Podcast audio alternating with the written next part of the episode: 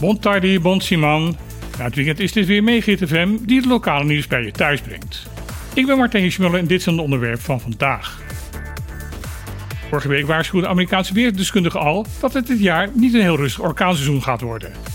Volgens meteoroloog komt dit omdat het momenteel de zeewatertemperaturen extreem hoog zijn. Een blik op de weerkaart van vandaag laat zien dat deze voorspelling zeer waarschijnlijk zal gaan uitkomen. Vandaag zijn er niet minder dan zes gebieden met onrustig weer te melden. Eén daarvan bevindt zich aan de andere kant van het Amerikaanse continent in de Grote Oceaan en heeft de afgelopen dagen onder de naam Hillary veel overlast bezorgd in Mexico en Californië. De andere vijf bevinden zich in de Atlantische Oceaan, waarbij de tropische storm Franklin nu al voor de nodige overlast heeft gezorgd op ons eiland.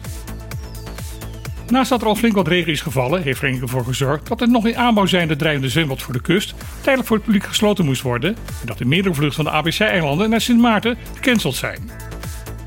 Franklin zal niet dichter naar ons eiland komen en naar verwachting binnenkort een scherpe bocht naar het noorden maken. Daarbij zal het volgens de voorspellingen recht over de Dominicaanse Republiek gaan. Van de stormen Gert en Emily zullen we niet veel last gaan krijgen. Zij bevinden zich nu al een stuk verder naar het noorden. Wat de verstoring 92L zal gaan doen is nog onbekend.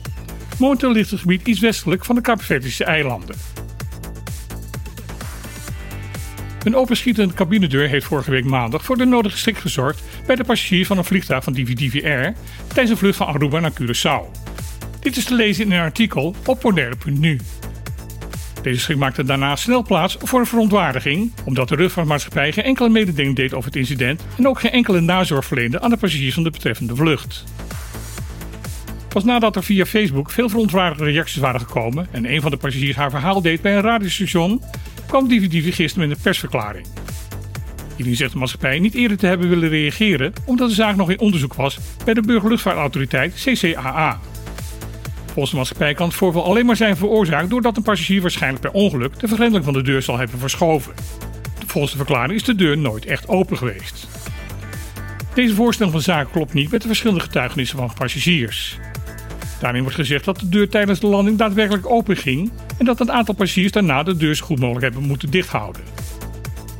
Dividende zegt in haar verklaring dat er bij het incident geen direct gevaar is geweest. De betrokken passagiers denken daar echter heel anders over. Volgende maand zal voor de eerste keer de Bonaire Dive Week gehouden gaan worden. Dit is een evenement van 7 dagen waarbij de deelnemers onbeperkt kunnen duiken en deelnemen aan allerlei festiviteiten rondom het duikgebeuren. De week wordt georganiseerd door de grootste duikorganisatie van de wereld, PADI, samen met Buddy Dive Resort. Dit resort is ook de thuisbasis van de Reef Renewal Foundation. De organisatie altijd bezig is om de unieke koraalriffen rondom Bonaire te beschermen en te herstellen. Naast het duiken zelf kunnen de deelnemers ook kennis maken met het andere wat de Bonaire te bieden heeft. Zo zullen er bezoeken aan de grotten van het eiland worden georganiseerd, tochten naar het nationale park en kajaktochten door de mangrovenbossen. Verder kan men deelnemen aan spectaculaire nachtduiken en zullen er presentaties en lezingen gehouden worden. Hierbij zal de nadruk liggen op het belang van het behoud van dit unieke ecosysteem. De Bonaire Dive Week is een all-inclusive evenement, dus er hoeft niet extra betaald te worden voor de diverse activiteiten tijdens de week. Volgens de CEO van Tourism Corporation Bonaire, Maus Mensera, zal het gaan bijdragen om Bonaire op de kaart te zetten als ecologische vakantiebestemming. Het lijkt erop dat bij verschillende ongelukken het afgelopen weekend lantaarnpalen en elektriciteitspalen het doelwit waren van een aantal autobestuurders. Zaterdagnacht veroorzaakte een botsing met een elektriciteitspaal een stroomstoring van ruim 9 uur. Daardoor werd het een warme nacht voor veel bewoners in de omgeving Camino Lagoon en Lagoon Hill.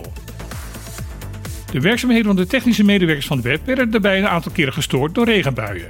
Omdat water en elektriciteit geen goede combinatie is, lag de reparaties een aantal malen gedwongen stil. Op zondagmiddag was het weer raak. Toen reed een pick-up tegen een lantaarnpaal op de weg van Lak naar Kraandijk. Daarbij werden ook diverse stroomkabels beschadigd. De bestuurder van de pick-up werd meegenomen door de politie omdat er een sterk vermoeden was dat hij in beschonken staat was. Gelukkig werd bij beide ongelukken niemand ernstig gewond. Dit was weer de lokale nieuws van vandaag op FM. Ik wens iedereen vandaag een mooie en niet al te spannende dag toe. Dan heel graag weer. Tot morgen.